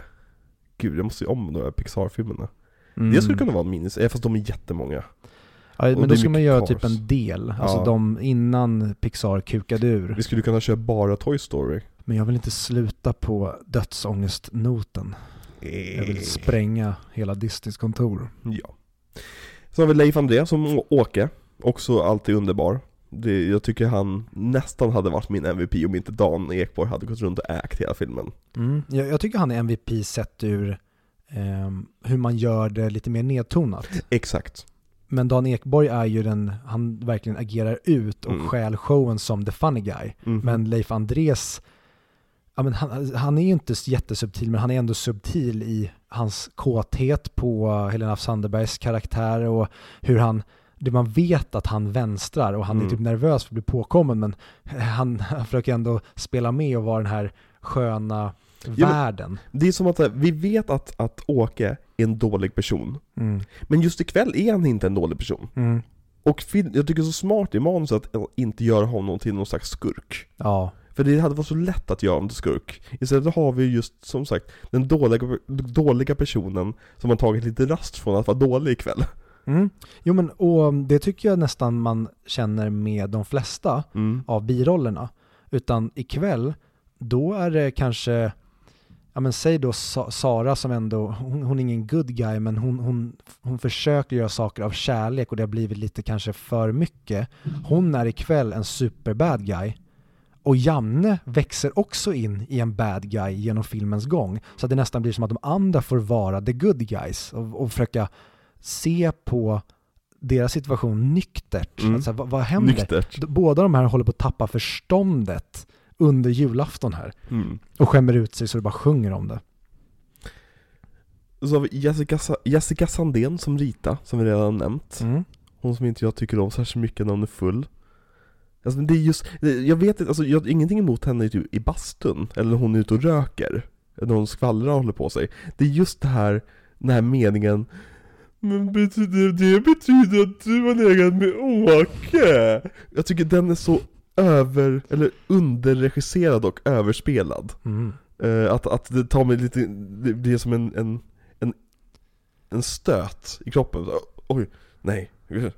Kan vi få tillbaka Dan eller någonting här? Ah, okay. ja, jag, jag älskar den tillsammans med någon säger det. Och förresten ljuger du så jävla dåligt. Ja, och sen börjar de hångla. Ja. Ehm, Nina Gunke som Eva. Det tror jag är ehm, Vi kollar upp det, fan vi har ju... den blonda du pratade om. Ja, jag tror det också. Alltså Dan Ekborgs eh, respektive i filmen. De som inte har sina barn hemma hos sig själva utan har dumpat över dem på Sara, Ah. för hon älskar ju att ha barn i alla fall. Älskare. Vet hon, Eva Gunke. Inte gynekolog. Oj, vad hon har opererat sig. Eh, ja, precis, det stämmer. Som också, det kan jag tillägga, Katarina Evelöv ser tragisk ut idag. Vem är Katarina E- Evelöv? Sara. Hon är Jaha. sönderopererad. Åh nej. Mm. Alltså du vet så att hon ser typ ut som hon gör i Tomten Mm. alla barnen. Men hon är bara spänd Mm. och svullen. Som Catherine Zeta-Jones. Ja. Mm. Fan, Fan, varför kan inte bara kvinnor åldras som kvinnor åldras? Ja, men, ja, mm. Men, ja. Helvete. Och den här jävla, nu bara går jag på ett sidetrack här, men hur man ser så unga tjejer, vad de gör när de sprutar in saker i sig själva. Mhm. Jag får ju nästan, jag får nästan the thing-känsla ibland. Mhm. Att det ser ut som body horror. Mm. När man ser tjejer gå med luftballonger till läppar och man ser att deras panna är så spänd så att de har huvudvärk bara av att vakna på morgonen. Mm. Alltså, då, man måste, alltså, jag har inte alltid haft den bästa kä- självkänslan i mitt liv liksom. Men att ha så pass dålig självkänsla att man tänker jag ska modifiera min kropp. Alltså, jag, jag kan inte relatera. Jag förstår varför man gör det, men jag kan inte relatera. Speciellt inte, alltså jag kan fatta typ att göra brösten. Men jag kan inte fatta att mo- modifiera ansiktet. Alltså att liksom ändra mina features. Det är lite som CGI. Ja, ja precis. Att du, du gör någonting som kanske funkar i stunden. Men konsekvenserna och hur du kommer åldras Mm, är horribla för dig. mm. Och det närmaste vi kommer det med män, det är väl typ hårtransplantation. Ja precis, vilket ser lika illa ut. Det skulle jag hellre aldrig göra. Ja, nej, där skulle jag säga att det finns exempel där de har lyckats riktigt bra, men där tror jag också det är beroende på så här, åker du till Turkiet, Thailand eller åker du till eh, typ San Diego, bara drar i röven så finns det olika, men då tror jag det finns det på smink, alltså vad säger man, botoxvägen Mm. också. Men jag håller med dig om att alla de här ingreppen är långt ifrån sömlösa idag, men ändå så är- känns det som att de bara ökar i popularitet. Verkligen. Vi har Anders Ekborg, som Thomas, Gunnars bror, Perfekt sidekick till Dan. och perfekt eh, dialad i den här filmen. Ja, Att han, han är inte med så mycket. Han, han ska bara komma med, med en med fyndig kommentar lite då och då. och han är våran berättare. Han berättar ju för Helena Sandebergs karaktär ofta hur relationer ligger till. ah, det, och han exakt. är grym på expositionen där. Alltså det känns inte som att nu berättar han för tittarna utan det är hela tiden han, han lutar sig över någon annan och säger så här Mm. och så att du vet så är de tillsammans men alltså han berättar som en sagoberättare för att han är en skön snubbe. Så att Mm. det blir onaturligt naturligt. Exakt, och jag älskar hans, hans, när han blir förhörd av Janne, och han tycker bara det är kul, för han vet ju att jag har ingenting med det här att göra liksom. Jag är inte rädd för döden. Ja, det är så jävla bra svar, som att han sitter i psykologstolen. Precis, nej det, jag vet, han ser ju vad Janne gör. Ja, Det är liksom, till skillnad från Dan, ja men precis, exakt, som bara blir provocerad av det. galne Gunnar. Jag skulle nästan vilja ha typ en spin-off med Anders karaktär. Just för att han är så liksom, så cool på något sätt. Jag skulle gärna se dem göra en uppföljare idag. 20 år senare. Fast oh, nej, det vill jag ju inte. Men eh, gud vad jag vill se mer av det här. Mm. Och det är därför jag är så glad för att det inte blev mer av det här. Det är en paradox man aldrig kommer komma undan. Man vill ha mer av det man älskar, men får du mer av det du älskar så är det förmodligen inte så jävla bra. Exakt. Sen har vi då Lena B Eriksson. Som spelar eh, Anne. Ja, hon, hon är där. Vad bra. Men hon gör typ ingenting i filmen. Eh, hon spelar Anna, och där är hon. Hon med gröten Hon är grym när hon är packad sen och säger så här, men hur gör Ja just, ja exakt, det är hennes scen ja, precis. När de gör vad då? Lägger järnvägsspår, borstar tänderna, hoppar säck. ja. Åh, Dan Ekborg. ja, nej men det är typ hennes enda bra scen. ja, när han skriker Lägg av! Lägg av! Inte nu. Ja, Mm. Och då Och- går vi tillbaka till Dan Ekborg när du skulle jo, men han är ju alltså, citaten som kommer från den här filmen, bara när han säger att han behöver en ny grogg, det är ju den som har citerats mest tror jag från den här filmen. När man har hört folk så här, i alla fall jag på fester genom åren, Mm. så här, jag behöver en grogg. Varför fel på den du har? Den är slut. Ja. ja eh, Inga Olenius, Signe, Saras mamma. Någon som jag aldrig tänkt på när jag tänkt på den här filmen. Nej. Men jävlar vad hon är bra. Och hon är så grym i sitt förakt mot sin dotter. Ja, jag älskar henne. Men så var, vem var det då? Eftersom du har tröstat henne. Hon kramar om henne, lilla gumpan. Och sen bara ut med armlängds avstånd. Men vem är det då? Ja. Eh, och sen Helena af Sandberg spelar Marika. Mm. Och det, det här tycker jag är filmens svaga kort. Jag tycker, eh, ingen dialog som hon levererar tycker jag är... Jag köper inte. Nej men, och det är det. Man ska inte köpa det. För att hon är ung och tror att hon är någonting. Ja, men- Och har så jävla, alltså hon har inte levt. Så hon har ju fortfarande så här. jag skulle aldrig göra som du, jag skulle aldrig göra som du. Nej, vänta tills du Ja, hamnar. Hon är så arrogant. Ja exakt, du är så ung och dum och det tycker jag de gör så jävla bra med henne. Att hon, Mm. Hon verkligen kommer där, ja men som så här, det tycker det är så typiskt så här, unga Stockholmsbrudar idag. Ja. Som tycker att de så här, jag har fattat världen, käften boomer. Så bara, jaha du, vänta tills du får känna på dig, ha egna barn Mm. eller hamna i en skilsmässa, då kommer du inte vara så jävla kaxig längre. Verkligen. Ja. Men alltså, jag, jag vill minnas att jag tycker om henne i annat. Vad, vad är hon med i? Eh, det som jag tänker på när jag tänker på henne, det är ju Kim Novak badade aldrig i Genesarets sjö. Jag hatar den titeln. Jag med. Ja. Men väldigt bra film. Har Mm. lite samma spirituella feeling som eh, Bästa sommaren vill jag minnas. Mm. Det här, och det kommer vi komma in på, det svenska vemodet. Mm. När allt är ångest. Vi kan gå in på det på en gång. Svenska ve- vemodet, kör Viktor. Alltså, det här är ju kanske slutet på när svensk film höll på med det som vi gjorde bäst. Vi bara levererade ångest. Alltså ta Vuxna människor nämnde jag, det är samma sak där. En hel film om bara hur Felix Herngren har ångest över att han har sexuella fantasier och sen börjar inleda en affär. Eller Adam och Eva Mhm. också. Brutal jävla ångest. Och det kan man även se i, ta Nile City, Yrrol. eller Yr, ja exakt, Mm. Yrrol. Vi, vi levererar att det roliga är inte när svenskar är knasiga. Det Mm. roliga är när svenskar är dumma i huvudet, sviker varann, ljuger för varann och där finns det så jäkla mycket kvalitet och humor att hämta. Precis. Och det verkar vi sedan 00-talets början, det finns säkert massa exempel som, alltså det dör ju inte bara pang 00 utan det blir väl att det blir färre och färre och idag har vi bara Solsidan-humor i Ja, allt vi gör. Jag skulle säga att vi tappade udden på det. Vi gör fortfarande samma typ av humor, men vi tappade allting som betydde någonting med den humorn.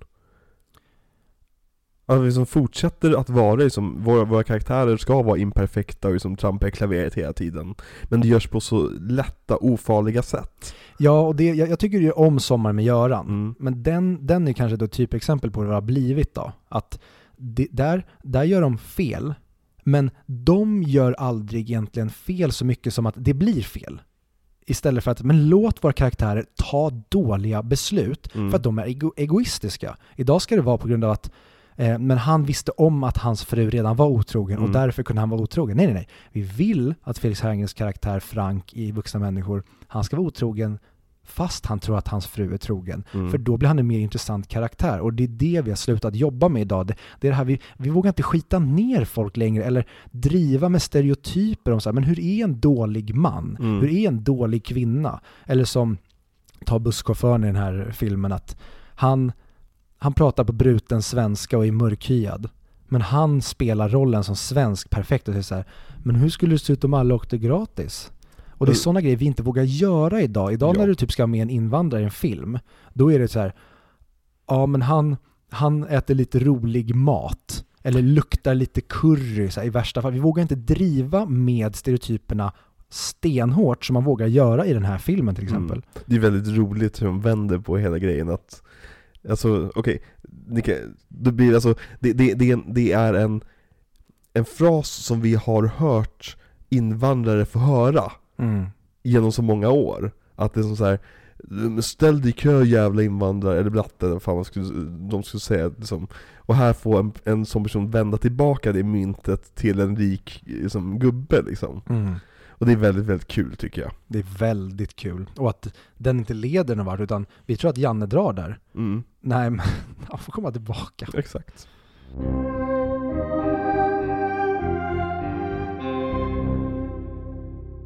Den största sorgen mm. i hela filmen Ja, för alla karaktärer ja, det är ju när det kommer fram att Erik är bög. Vilket är så jävla roligt. ja, Att det sker så mycket skit som alla borde bli upprörda och ledsna för. Men luften går ur hela festen, eller i julfirandet, när det kommer fram att nej, han var bög. ja Dels också att han har varit otrogen också Nej, nej. Det är bögandet som är det som de hänger upp sig på. Det är bögandet blir- de har frågor om Och det är så jävla roligt tycker jag, den här synen på att alla framställer sig själva på ett visst sätt. Men de är mycket mer trångsynta än vad de framställer sig för att vara. Och det tycker jag är hela också en del av filmens briljans. Det är det här att alla pratar hela tiden om hur goda och fina de är och hur mycket de gör saker för andra. Men i slutändan visar det sig att nej, du gör ju bara saker för ditt eget intresse. Vad är din favoritscen i den här filmen? Oj, det är som att välja vilket av mina barn jag älskar mest. Och jag älskar inga barn. Nej men det, jag, jag kan typ inte välja någon, men den serie, scenen som är mest ångest, Ja, det tycker jag är adoptivscenen. För den, det är den scenen när jag bara vill slita av mitt eget skinn för att försvinna därifrån. mm. Och jag tycker det är väldigt kul också, det, den delen tycker jag får för lite praise, men just delen med ehm, finnen och eh, hennes eh, väldigt, väldigt mesiga man. Just det, Alltså, de har vi inte nämnt Nej, Hon, hon från Beck ja precis, hon från Beck, det är det enda jag tänker på. Ja. Och jag hatar henne i Beck, och jag hatar henne här. Men Ja. här hatar jag henne av helt rätt anledningar. Hennes man är ju en väldigt dålig skådespelare Tycker du? Ja, Jaha, jag tycker han funkar kanon. ja nej, hur han bara levererar sina lines för Vi skulle gett dem den jävla pingvinen Det känns verkligen som att, nu ska du ta i här Jag vet att du som svensk man är jättemesig och aldrig har skrikit någon i hela ditt liv Men nu ska du testa att känna, hur skulle du känna att skrika på din fru lite grann här? Ja, men jag tänker inte att den är genuin, Nej. utan att han, han försöker bli manlig där. Ja, och det faller ja. bara jätteplatt för att han är så jäkla kastrerad av henne. Mm. Och jag älskar det bara. Hon ska komma hit och be om ursäkt. Om du så måste dra henne i håret. Mm. Och hur han blir fullare och fullare och sen till slut är det han som dyker upp där som tomten och letar efter Sara. Mm. Året efter så har de flyttat Ja, jättebra att alla andra är kvar. mm. Men de gick sönder. Vilket är ett skämt stulet från Parent Farsa Fria Jul. För tydligen kan svenska julprojekt inte gå igenom en hel produktionscykel utan att stjäla saker från Parent Farsa. Det är ju en av de bästa komedierna ever. Det är ju det. Och ska man stjäla, ska man stjäla från de bästa. Mm. För då visst är det, um, Julia, Dreyfus ja, eh, och hennes hippa man. ja. som- jag älskar dem, de är så jävla bra. Ja.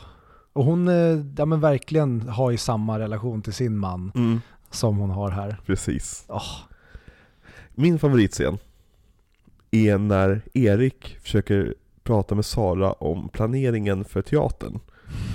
Och, och så här. Jo, jo jag vet, och hon, försöker, hon, hon vill ju prata om sig själv såklart. Eh, och han säger Jo, jag förstår, men det skulle ju vara väldigt kul för, för Emma att eh, gå på den här teatern... Ja, ja, mm. Jo, nej men jag förstår att du läser, men, men funkar den 26? och det är så jävla så här, småbarnsförälder, skild förälder. mm. Eh, Den där scenen har jag sett min mamma och pappa ha typ hundra gånger. Det där, varför kastade hon ut tomten? Ja, den var oklar. Ja. Och ser nöjd ut Mm. med det också, typ såhär, nu har jag räddat situationen. Ja. Ja. Eh, Det, det är min favoritscen i hela filmen, just för att den är så low key. Den är inte liksom några stora liksom, skådespelarsvängar, utan det är bara liksom en person som försöker få någonting gjort när, han är där. Och en person som bara vill prata om sig själv och inte vill hjälpa den här personen att få någonting gjort. Mm. Här kommer den. Ja men då, hela den här filmen är, den, den går som upp och ner och då inte i kvalitet utan den går Mm. upp och ner i ton. Ibland är det briljansen som ligger i det här bara väldigt vanliga. Mm. men som är väldigt bra. Och ibland är det när de verkligen slår igång saker och det ska bli väldigt mycket humor. Och hela tiden så balanserar de helt perfekt. Mm. Vad skulle du säga är filmens sämsta sak? Vad är det sämsta med den här filmen? Att den inte finns i HD? Men det, det gör filmen bättre typ. Det var, nu har jag ju en sämre kvalitet här, men eh, jag såg den på Cineasterna. Mm. Och där var den i mycket högre kvalitet Mm. ehm, än vad vi ser just nu. Men eh, jag har ingenting negativt att säga om den här. Jag tycker att det är den bästa svenska filmen som har gjorts. Det är en helt perfekt film från sekund ett. Alltså tempot, hur den planterar saker, hur folk spelar, Mm. musiken, barnen, eh, ångesten, humorn, allt är... Jag, jag hade inte kunnat vilja ändra en sekund av den här filmen. Och alla har verkligen, ja men vi har inte ens pratat om eh, fucking Åmål-flickan. Men hon är också Just det. hur Ja jävla hon är jättebra. Och Rickard också. Hur Ja. han säger bara Varför gör du med det där fettot? Och Ja. sen i slutet när han får det han vill ha så bara kryper han upp hos galne Gunnar och kramar honom och han bara visar alla kan köpas. Precis. Åh. Den är, åh, att den är så omoraliserande också. Ja. Den bara berättar hur de här människorna är. Mm. Och det är vad de är. Vi pratar inte om en good guy eller bad guy. Alla Nej. här är dåliga människor. Är Men också bra människor. Och så barnen, ja, så de kommer hamna i kläm liksom. Det är, det är jättebra, jag, jag vill skaka personen som skrev den här personens hand, eller Mm. manusets hand. Mm. Det, är, det här är på memento-nivån nästan av liksom intrikat skrivande. Ja, verkligen, Mm. verkligen. Och uh, ytterligare en bra grej, hur barnen säger flera gånger, vi tycker redan att det finns för många barn. Ja. Hör, hör dina barn, Mm. lyssna på dem någon gång, de mår inte bra av det här. Det här är inte en sustainable situation. Och därför skulle man typ kunna göra en tvåa Mm. idag, där barnen är vuxna. Mm. Där Och de, har de- sina problem, där egentligen Åh. alla de vuxna är bara äldre liksom panschisar nu som är i bakgrunden. Ja, trötta liksom. Ja, precis. Men nu är det barnen som är fucked av det här. Gud, det är ju perfekt ju det hade varit så jävla Och roligt. det är 20 år senare också, så de är ju typ, de är ju i, i, i så 25, 26, 27, Ja. några av dem kanske 30 liksom, av barnen. Det är ju eh, perfekt. Mm. Där har ni det. Ja. Vi ringer Monica Rolf nu. Vad tycker du om musiken i den här filmen? Jättebra. Mm. Alltså hur de använder eh, jultemat Ja. och hur de inleder. Det har vi inte sagt med introt med spermierna. Ja. Där vi får veta direkt att, jaha, Det är det här den här filmen Mm. kommer handla om ja. okej. Okej. Mm. Och knulla i garderoben. Ja. I hela Bast- scenen med bastun. Oh, fy fan vad det är bra. Ja, alltså man känner ju, han, han, han vill ju klippa till varenda jävel där inne förutom Daniel, eller Anders Ekborg typ. Jo men och han och man märker hur han under den här filmens gång Mm. bara tappar all sin kärlek till Sara. Han börjar, Mm. Det är nästan som att den här julen får honom första gången inse så här, vad är det för person du lever Ja. med? Och därför är det så jävla roligt på slutet. Och ångest också för Jannes skull att han är ändå kvar. Mm. Trots att han fick allt det här kastat i ansiktet på sig under julen. Han, odlar mustasch. Ja, det kanske var det som behövdes. Okej, det är det enda dåliga med den här filmen tycker jag, hans mustasch. Ja, där behövde de göra någonting för att få tiden att ha gått. Men Det- ja, de kunde gjort det bättre. Den ser, det är väldigt pedofilvarningens mustasch på Ja. den där. Och glasögonen på det. Exakt, Mm. det är, att ha honom som psykolog är, ja. Han, men- eh, han är med, oh, fan det har vi inte nämnt. Vadå? Men eh, Peder Haber i eh, Män som hatar kvinnor. Det, det nämnde vi för en massa veckor sedan. Ja men inte nu. Okej, alltså, ja, nej, ja, hur nej. jävla, alltså förutom Beck. Ja, hur, han är jättebra, han är ju så mycket bättre än Stellan i samma roll. Ja. Men Fincher regisserar scenen bättre, men han är bättre som skådespelare. Mm. Ja, därav uh, Stellan borde haft Peters karriär och Peter borde haft Stellans karriär. Ja, precis. Fast Kul att se. Peter Haber springa runt i Marvel-filmerna som galen vetenskapsman. Lätt. Ja. Mm. Eh, effekterna i den här filmen då? Ja, de har ju åldrats väldigt, väldigt bra. Alltså jag tycker CGI på Sara är helt fantastisk. Verkligen. Vi sa att hon bara var en grön tennisboll som Mm. de kastade runt till varandra. Ja, och sen spelar de in typ hennes delar över länk bara. Ja men precis, exakt. Nej det är inga effekter i den här filmen. Förutom effekten av svenska julen. Ja men om vi så pratar om effektarbetet då, ja men när tomten ramlar ner för trappan. Ja, ja men stunts, stunts och grejer. Mm. Mm. Alltså du jobbar med så praktiska effekter, vilket du har i den här filmen. Och det gömmer de jättebra. Och även de använder, om, om vi ska gå in på det här, bara den här scenen när alla sitter fulla. Hur de filmar, hur kameran svingar sig fram till Ja. folk. Det är ju en effekt i sig, liksom, för att vi ska känna oss disorienterade. Eh, det är jättebra. Och hela hon unga tjejen, hennes monolog på slutet som bara sammanfattar hela filmen. Mm. Det är, det är, nog, det är nog min favoritscen i hela. Jag, jag väntar alltid på att den ska komma och att jag ska störa mig på den. Och så kommer den och så tycker jag att den är underbar för att hon är så jävla bra skådespelare. Mm. Behöver jag fortsätta? Ja, precis. Ja, det är Exakt. så jävla bra. Ja, men det, det, okej, om man ska ta någonting så här, va- varför är den här filmen så bra? Det tycker jag är då, ta Anders Ekborgs exposition och även på slutet där hon syr ihop filmen. Ja. Utan att det känns som att hon syr ihop filmen. Hon Ja. bara kastar i sin mammas ansikte, så här, varför jag kommer knulla med dubbla kondomer hela mitt liv. Mhm. Det är exakt det jag varit med om och det blir nästan som att det blir hennes film. Som att hon är betraktaren till det här Exakt. kaoset. Och även hon gästen, eh, Af Sandeberg eller vad hon heter. Mm. Eh, Hon, hon är ju våran Harry Potter liksom. Ja, Eh, men det har gjorts tre stycken remakes på den här filmen. vilket är kul. Mm. Eh, en tysk från 2007. Meine schöne Bescher- Bescherung. Den ja. Mm. Eh, en fransk remake från 2014 som heter Divin Enfant. Alltså, den här känns inte som att den skulle funka i Frankrike alls. Nej, för men- att inget av det här är konstigt i Frankrike känns Nej men precis, det här är en torsdag liksom. Ja. Den, den är ju väldigt mycket svensk kultur. Mm. Alltså, så, så det är nog väldigt lätt att göra om den här till fransk kultur. Eller liksom spansk kultur eller tysk kultur. Alltså att du bara liksom amputerar den biten och stoppar in din egen liksom. Och ser vad, vad som kommer med det. Ja men jag tror inte det går i och med att det är verkligen det svenska i det här skelettet som, alltså bara ta hela, alltså alla plottpunkter och sen Mm. har du allt bara krimskrams runt omkring. Allt är så typiskt svenskt, det är klart Mm. du kan ta, så, ta bort det, stoppa in franskt. Men då, till slut har du bytt ut hela båten. Oh ja, definitivt. Det har man ju. Eh, men det gjordes också en finsk, eh, 2019. Eh, Teidelinen Jolo. Den gamla dängan. Jag tror att det betyder 'jag vill ha mer vodka' Ja, de bytte ut eh, julen mot bara en helt vanlig söndag. Ja men precis, exakt. Ja, men alla är ju fulla genom hela filmen, så det är jättebra att göra den i Finland. Mm. Mm, För de föds ju fulla. exakt. Med kniv. Ja. Mm. Mm. Postern till den här filmen, Den ska vi prata om. den ska vi prata om Mm. i en officiell kontext.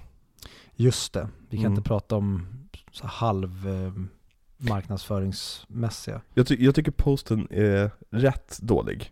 Alltså den funkar för den, den är smal och stilistisk och så här, men cleant, jag fattar grejen, bra. Men det här med två människor står med ryggen mot varandra och ska liksom kolla mot publiken och liksom så här. Ja, kolla vad tokigt det här kommer bli. Sådana posters är jag så, så liksom mot. Den är skitdålig, alltså rent Mm. ut sagt. Mm. För du har möjlighet här att, men fan ha en poster med alla karaktärer. Ja, Det hade varit helt magiskt. oss kaoset. Ja, Det där är ju motsatsen till kaoset. bara så här, ställ upp alla i vardagsrummet där de sitter. Ja. Och så du till att alla syns. Och så tar du bara en bild på det, så har du postern. Eller så, en, en, en kul grej. Gör exakt det, som ett familjefoto i deras vardagsrum, med barnen längst fram, och sen kvinnorna, och sen har alla män tomtedräkt på sig. Absolut. Tomten är far till alla barnen, liksom. Mm. vem är den skyldige? Liksom. Det, gud, det, bara, så mycket med den här, vem lossnade när du sa att det här är en deckare? Det- Det är ju en deckare, rakt igenom. Ja. Ja. Istället för vem har skjutit grevinnan så är det vem har knullat Sara? ja.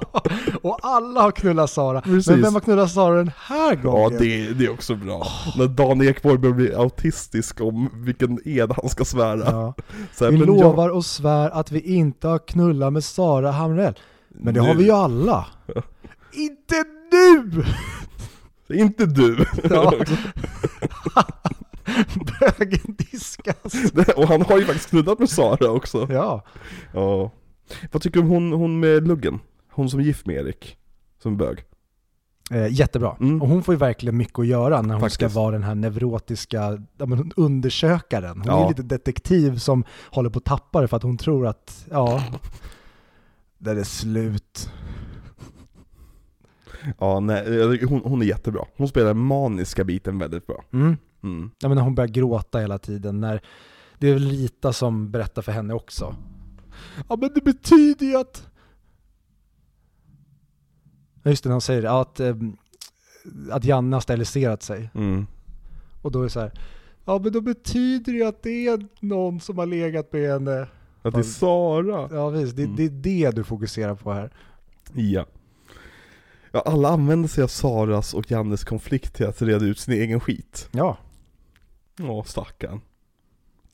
Hon gråter väldigt trovärdigt också. Mm. Är, ja, Men hon, jag kan, så här, hon borde vara med i typ eh, Lukas Moodysson-filmer. ja, mm, precis. Eller um, Ruben. Ja, absolut. Skulle du vilja se Ruben göra en remake på den här?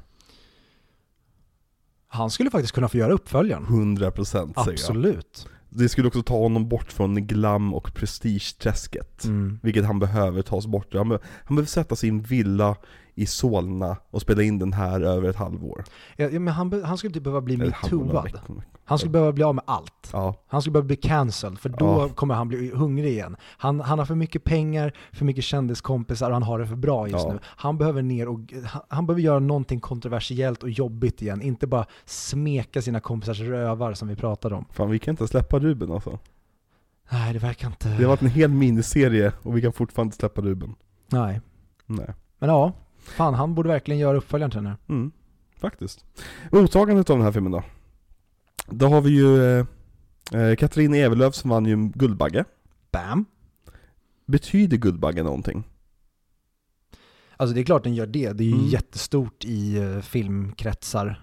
Men för, för Ehm, dig och mig och för världen där ute, ut, utöver deras interna runkgrupp, så att säga. Alltså absolut, det är klart det gör det internationellt när du ska kolla på att Mm. vinna någonting. Sen vet jag inte hur man kan konvertera det till så ja men kolla den vann Guldbaggen, sen var det med det där.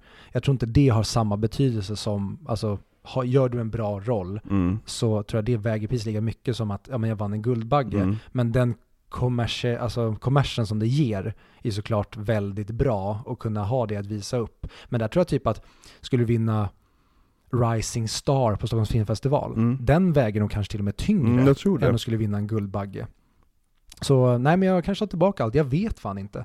Vi svenskar bryr oss för lite om svensk film för att bry oss om Guldbaggen. Ja, det står typ i på Omni dagen efter Guldbaggen vilka som vann. Sen är det så här, ja, Ja men det. är så här, det, det, vi vet att så här, när Guldbaggen, när annonseras vem som vann den, så här, ja det är väl någon film om, om ett lesbiskt par som har det väldigt svårt. Mm. Eller någon, någon komedi med Björn Magnusson, den äldre. Nej, det var väldigt märkligt. Ehm, men eh, Jessica Sandén och Kjell Sundvall och Dan Ekborg nominerades Mm. i respektive kategorier. Eh, Dan Ekborg som eh, bästa kompositör. Aha. Mm, nej. Bästa manliga biroll måste det vara. Fast han är fan huvudrollen för mig. I mitt hjärta så Mm. är han huvudrollen. Ja, han är tomten och han är far. Och vi är barnen. Mm. Mm. Kommer du visa den här för dina barn? Med 100 procent. Vilken ålder kommer du visa dem för? Kolla om du vill, men uh, kolla på egen risk. Precis. Som I och för sig, min de är redan vana i och med att de redan bor i källaren och Exakt, det blir, det ser jag, andra barn har det också som er fast värre på andra sätt. Mm. Ehm, nej men då, den blev ju en jättesuccé, alltså den, en halv miljon gick och såg den på bio. Ja. Så det, det blev verkligen bra, bra succé och det har ju pratats med jämna mellanrum sen den kom om en remake. Alltså Ja. det, den vill ju det, den vill ju göras. Men jag är glad att den inte har gjorts. Fast det har ju gjorts. En underbar jävla jul, ju- jul är ju en remake. Praktiskt Det skulle jag säga en eh, dålig stöld. Ja. Gud, Bergström. Henne skulle vara kul att köra som regissör. Mm. Verkligen. Nej, ge oss inga idéer. Vi behöver fler kvinnor på vår lista. Faktiskt. För det ska bli jämnt. Helena Bergström eller Catherine Bigelow, vad kör vi? Catherine Bigelow all the way. Nej, Helena Bergström såklart. Ja. Har du något mer du vill ta upp med den här filmen? Eh, se den om ni inte har sett den. Ja. Har ni inte sett den, Se den igen. Ja precis, och har ni sett den? För jag skulle typ kunna sätta på den igen Ja. och bara se den ikväll. För att Jag kan se den varje kväll. Ja, för det är ett, bara för att beundra varje liten del i den, framförallt Mm. manuset. Att bara beundra hur de har också konverterat de här orden Mm. till, alltså klipparen borde ju vunnit en Guldbagge. Ja. Alltså editeringen i den här filmen är otrolig. Ja, Den har storkukslugn. ja. Verkligen. Den, den, den, den vet vad den vill och den vet att den kommer kunna göra det. Så då känns det bara som att, ja men fine, här är den här scenen, här är den här Mm. scenen. Och det är väl inget viktigt, här kommer den här scenen. Mm. Mm. Jag, håller, jag håller med dig. Om du inte har sett den, se den definitivt. Den finns på More va? Det tror jag inte. Jag vet att den finns på Vi- Cineasterna. Vi kan ju kolla upp, vi har ju glömt att nämna vilka ställen de finns på. Eh. Alla heter Glenn Göteborg. Den borde ju finnas på Simor runt den här tiden, för den brukar, brukar väl visas på TV4 runt jul. Och när det här släpps då. exakt. Men när vi spelar in det här så får vi dra vilka förutsättningar det finns. Seymour, Cineasterna, Blockbuster, iTunes, Google Play, Viaplay Hyr och Köp, Rakuten TV och SF Anytime.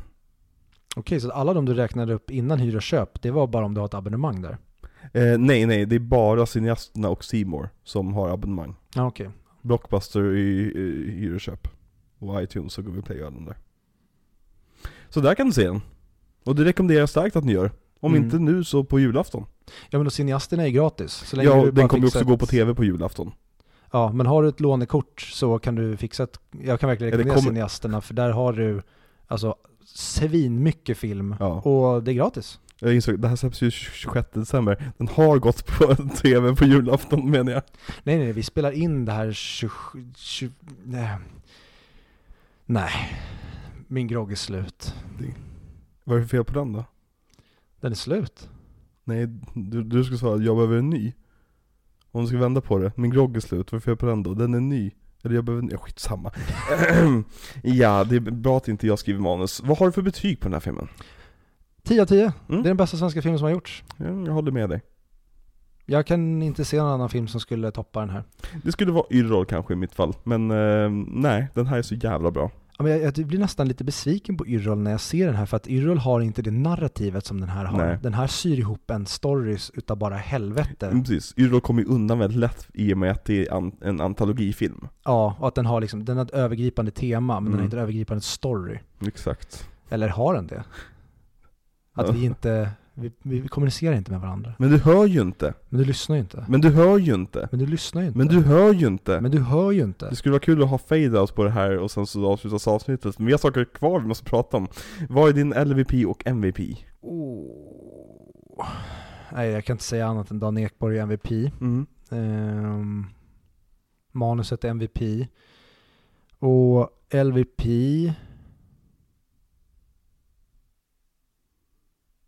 Nej, jag, jag, har- jag, jag, kan, jag har ingenting att klaga på. Jag vill Mm. inte ändra på någonting. Och jag tycker inte någon av de mindre rollerna förtjänar en LVP för att de gör jättebra med det de får tycker jag. Mm. Jag skulle säga att eh, Finnens man får LVP för mig. Ja, okej. Men Dan Ekborg får MVP. Mm. Hon är väldigt, väldigt bra. Sara. Mm.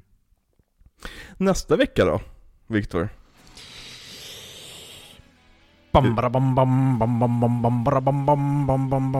Eller, man vill ju hellre köra eh, You know my name. Skulle kunna lägga på den här som Yeah! Ja men vi ska prata om James Bond.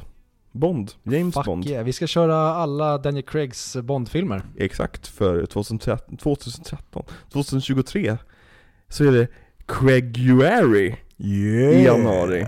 Vi ska prata om alla James Bond-filmer där Daniel Craig är med. Mm. Om det inte är så att han gjorde typ en cameo i en tidig James Bond-film. Så tänker inte vi prata om den. Vägrar. Casino Real Quantum of Solace Skyfall Spectre Och där tog det slut. och No Time To Die. Det kommer bli jättekul. Är du taggad Viktor? Så in i hela jävla Norden. Jag har varit taggad på att se om de här filmerna väldigt länge. Eller Mm. jag har framförallt varit taggad på att se om alla sen jag såg No Time To Die. Jag är taggad på att se om No Time To Die och inte vara asarg på den. Mm. Att, att ge den en, det här duger chans liksom. Men Vi- vad då? Tror att du kommer hålla dig från att bli arg när du hör David Dencik? David Dencik är ju det, typ, det jag tycker om i filmen. Nej! Jo, jag det tycker- sa du ju inte när vi hade sett den Jag, jag sist. älskar David Dencik i den filmen. Jag tycker att eh, filmer som har galna vetenskapsmän som pratar om, om eugenics, det, det, det, som, det, det blir inte bättre än så. Rami Malek då? Rami Malek suger, han kan gå och dö. Billy Magnusson då? Billy Magnusson får göra vad fan han vill. Han är också supercharmig i den filmen, vill jag minnas. Men så här, så här, Okej, nu går vi in på den veckans avsnitt redan nu, men David Dencik, så här, han suger ju i filmen. Mm. Men hade filmen haft mer av hans energi, hade jag haft roligare med filmen. Okej, jag tycker att filmen har väldigt mycket av hans energi och det är det jag hatar med att jag tycker att alla... Nej, Okej, vi vi, tar vi det tar där. det då, vi, vi tar det då. No time to die eh, kommer få sin tid att dö.